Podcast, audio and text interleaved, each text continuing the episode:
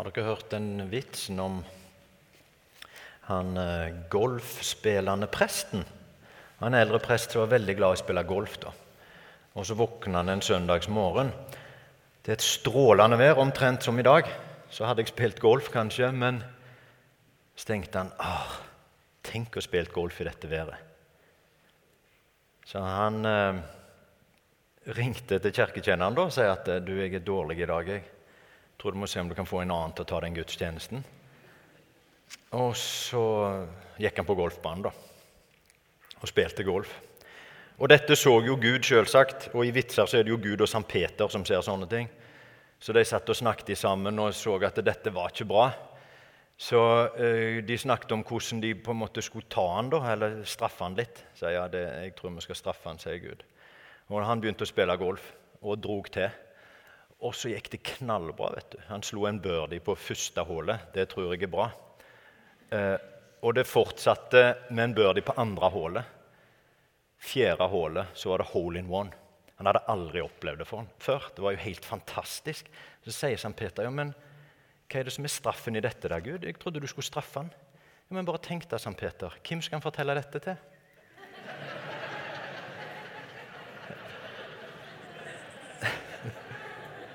Det er jo en straff verre enn noen og så oppleve noe sånn, og så ikke få lov å fortelle det til noen. Tenk på disiplene som så et syn. De var helt fra seg. De så Jesus det glitra av ham sammen med Moses, som de hadde hørt om fra de var bitte små, og Elia. Og, de, og, så hørte de Gud fra himmelen som sa, 'Dette er min sønn'. Kan du bli større enn det? Og så På veien ned så sier Jesus, 'Ja, dette forteller dere ikke til noen'. Dette forteller dere ikke til noen. Jeg tenkte litt, Skulle vi prøvd på det? Nå er det jo snart fastetid. Det er påske om et par måneder eller noe sånt. Eh, det er sånn at dere får ikke lov å fortelle til noen folkens, fram til første påskedag, oppstandelsesdagen, at dere er kristne. Dere får ikke lov å synge. Dere får ikke lov å fortelle noe fint dere har opplevd, eller dere får ikke lov å be for noen. Dere får ikke lov å gjøre noen ting som kan være en form for vitne om at dere tror. Fram til første påskedag. Da kan dere ta igjen det tapte. Jeg vet ikke om dere tenker uff, nei, det blir vanskelig. Eller om tenker ja, det er jo ikke vanskelig, det gjør jeg ikke likevel. Men tenk at de ikke fikk lov. Jeg har lurt litt på det. Hvordan kan vi vite noe om Gud? Fordi jeg har møtt eh, folk, og jeg har sjøl tenkt og Det som kanskje var et sterkeste eksempel på dette, syns jeg, da, det var at jeg var og hørte på Bjørn Eidsvåg, som har en sånn forestilling om Jesus ettersøkt. Og, og den syns jeg var veldig tydelig på det at eh, hvordan kan vi kjenne Gud, på en måte, eller Jesus? Hvordan var han? Um, og da kan vi jo tenke sånn at hvordan syns man burde være, på en måte? Hvordan vil han passe inn i det som vi forventer at Gud skulle være? Eller kanskje det som er godt for mennesker å ha i forhold til Gud. Vel, vi snakker, og Det har jeg ofte sagt, at det er bra å tro på Gud fordi eh, det er godt for meg. på en måte. Jeg får en mening med livet mitt, og det gir meg trygghet å kunne be. og Eh, og det, det, gir meg, eh, det er godt og, og liksom avslappende å ha et håp i møte med døden. Og det er mange gode argumenter for å ha ei gudstro. Men er det sånn at Gud er den jeg eh, Han er sånn som jeg trenger at han skal være, på en måte? Er det jeg? Er det, er det min opplevelse da eventuelt av Gud, eller min tanke om hvordan Gud var, som bestemmer hvordan han er? Det er jo selvsagt ikke sånn. Vi kan jo ikke tenke Gud sånn som vi vil ha han. Gud er jo sånn som han er, han. Og spørsmålet er jo bare hvordan kan vi bli kjent med sånn som han er? Hva er kildene våre til å se han sånn som han er. Og vi har hørt altså en helt spesiell historie. hvor Jesus tok med seg disiplene opp på et fjell. Og Det er jo ikke tilfeldig. Alle sånne gudsåpenbaringer skjer på fjell i Bibelen. av en eller annen grunn. Moses gikk opp på fjellet osv. Tornebusken det var opp på fjellet. Alle sånne store ting skjer på et fjell. Så han tok de med seg opp på et fjell, og så så de dette synet. Og alt i den historien i forhold til disiplene er på en måte i passiv form. Det var Jesus som tok de med. De ble tatt med opp på fjellet, og de ble vist. Det var Gud som hadde initiativet og tok de med dertil og viste seg for dem. Det er vår situasjon. Det vi vet om Gud, det er det han har tatt sjøl initiativ til å vise oss av hvem han er. Vi kan ikke finne Gud eller oppfatte Gud annet enn det han viser til oss, velger å åpenbare for oss. Gud er Gud om alle mann var døde, synger vi i en gammel salme. Gud er Gud om alle land lå øde. Gud er ikke fordi vi tror på han. Han er fordi han er. Og han er sånn som han er fordi han er sånn som han er, og ikke pga. oss på noe som helst vis. Så spørsmålet for oss blir jo hvordan kan jeg da bli kjent med Gud? Hvor kan jeg få tak i åpenbaringen om Gud, sånn at jeg kan se ham? Det er sånn som vi leste i den første teksten vi leste i dag. Hvor Peter sier vi fulgte jo ikke klokt uttenkte myter da vi kunngjorde for dere vår Herre Jesu Kristi kraft og Hans komme. Nei, vi var øyenvitner og så Hans guddommelige storhet. For han fikk ære og herlighet av Gud, sin far, den gang røsten lød over ham fra den høyeste herlighet. Dette er min sønn, den elskede. I ham har jeg min glede. Vi hørte selv denne røsten fra himmelen da vi var sammen med ham på det hellige fjellet. Mange sier ja, jeg skulle trutt hvis jeg fikk Skriften på veggen. så Derfor bruker vi prosjektor her, sånn at vi alle får Skriften på veggen hver gang de kommer i kirka. Nei, men de tenker at vi hadde bare sett liksom noe. Det har sett noe. Det er noen som har sett noe. Det har vært skrift på veggen. Det har vært en åpenbaring. Det er sånn vi kjenner Gud. Det er bare at vi er på en måte i annen hånd. Sant vel? Vi må høre av de som så. Og det er basert på at noen så. Hvis det skulle vise seg at de løy, så er det ikke sant. Altså, så, så er troa vår falsk på en måte, hvis disiplene skulle vise seg å lyge. For vi baserer oss på at det var noen som så og hørte når Gud velgte å åpenbare hvordan det var. Når han valgte å la sin stemme lyde med lydbølger, så de kunne høre det med ørene sine den gangen. Og de kunne se det med øynene sine. Det var jo lys. Sant vel? De så det. Det baserer vi trua vår på. At Gud valgte å åpenbare seg for oss. Og det er en helt sånn viktig, grunnleggende forståelse for oss av hvordan, hvordan det virker, hvordan vi får tak i Gud. Vi kan gruble alt vi vil, og det er bra å gruble. Og det er bra å tenke og reflektere. Men det er ikke fra grublerien og tanken at gudsåpenbaringen kommer. Den kommer fra øyenvitnene. Fra de som så og hørte det Gud sjøl sa. Og da kan du si hva er, hva er åpenbaringen for oss i dag, da? For jeg tenker det at når vi møtes her, det er på en måte kanskje det nærmeste vi kommer den åpenbaringen de hadde på fjellet. Nå ligger ikke denne ganske på et fjell, denne kirka. Det kan vi vel ikke skryte på oss. Men, men vi kan iallfall se for oss det at det å gå inn her og møtes, det er å bli tatt opp på fjellet. Og se noen glimt inn i det som er større enn vår hverdag. Fordi dette var et glimt. Det var jo et øyeblikk. Riktignok ville Peter bygge hytter, kanskje det var fordi han ville det skulle vare. hva vet vel jeg. Men da står at eh, Kanskje vi ikke skal tolke for mye ut av det i det hele tatt, for da står han visste jo ikke hva han sa likevel, for han var helt eh, forskrekka. Men det var et glimt, og så var det ned igjen. Så var Jesus der alene igjen, og så var det ned i dalen. Og Så begynte Jesus å snakke om at han skulle lide og dø. Og så forlot de han flere og flere av de som hadde fulgt han. Helt til noen av, en av de tolv, til og med. Eller to av de. En fornekta, og en svikta han. Det var ikke mange igjen.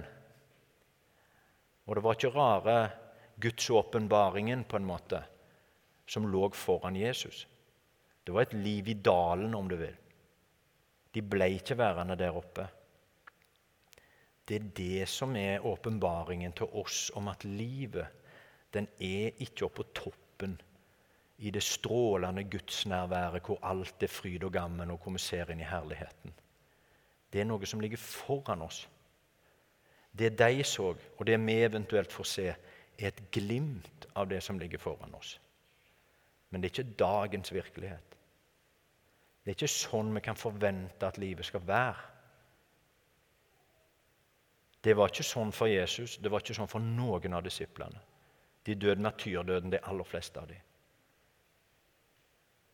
Og i dag så er det flere som dør maturdøden enn noen gang.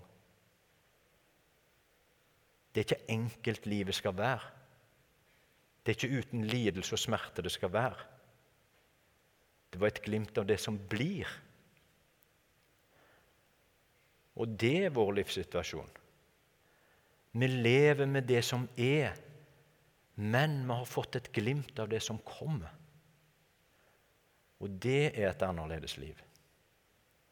For vi kan kave og streve og prøve å gjøre det beste ut av dette, og det gjør vi jo.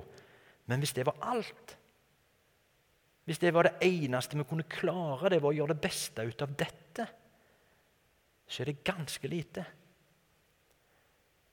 Men tenk at vi har fått Gud har valgt å vise oss at det er ikke bare det. Det er ikke bare det å gjøre det beste ut av det. Det er noe mer som kommer. Det er det som vi kunne drømme om og tenke på. Tenk om det gikk an at det ikke var denne lidelsen lenger. Tenk om det gikk an at en ble friske at det ble fiksa. At det ikke var krig. At det ikke var elendighet. Tenk om det gikk an. I vår villeste drømmer så kan vi kanskje drømme om det. Han viste at det kommer. Det kommer. Det er ikke, men det kommer. Og Jeg tenker det noen ganger at eh, hvis jeg måte, Som prest også tenker det, nå skal jeg røpe det, at jeg tenker, hvis jeg liksom bare forklarer liksom, evangeliet godt nok, så vil nok folk tro. Hvor vanskelig kan det være da? Liksom? De må vel skjønne dette her, og så må de tro på dette. Og så skjer det jo så ofte ikke, tenker jeg. Og kanskje det er fordi, sånn som disiplene, så er det ikke bare det å høre det og liksom forstå det med hodet, men på en måte at det skal bli åpenbart for oss. da. At det plutselig Lyset gikk på, liksom. At det så, Plutselig var det et glimt, og så Oi! Så så vi inn i noe. En hemmelighet som ligger bakom. Kanskje det er det som må til. Og For noen så er det når, når livet liksom endres voldsomt.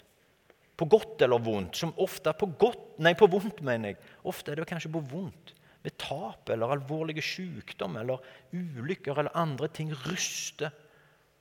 Og så kom gjerne glimtet at oi, ja, men det er jo noe mer bakom. Det er jo noe annet i vente.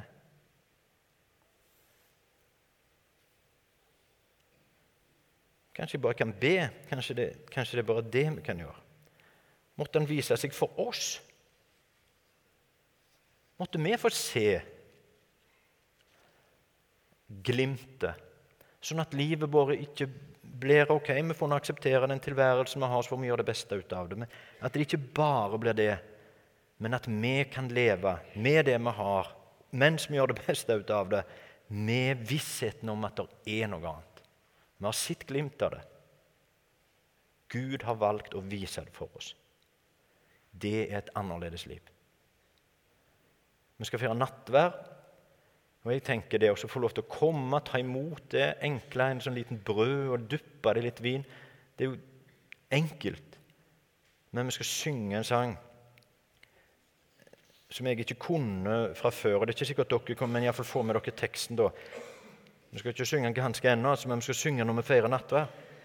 Derfor skal Ja, der står i din nærhet, står det. Jesus, du er her. Tenk om det kunne bli glimtet for oss, da. At vi kunne stå her og oppleve at det var i hans nærhet. At han er nær og at vi fikk et glimt inn i det som kommer. For da er det annerledes å leve i det som er.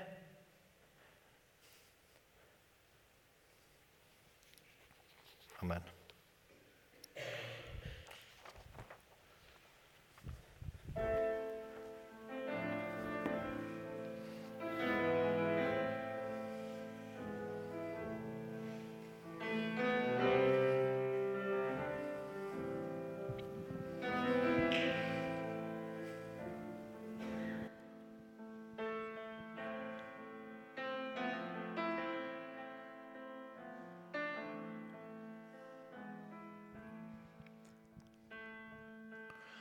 Lær meg å kjenne dine veier og gå den trøst i skritt for skritt.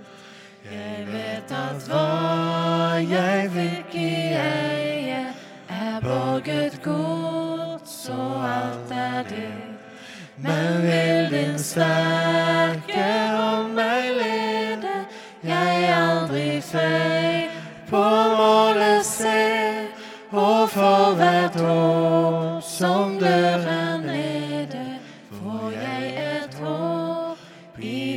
himmelen med.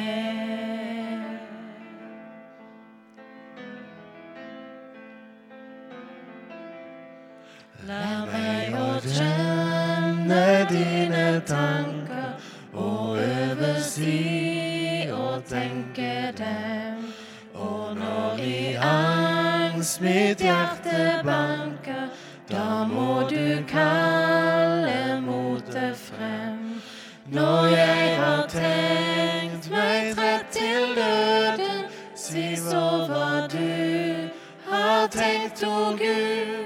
Da kan jeg se at morgenrøden bak tvil og vonde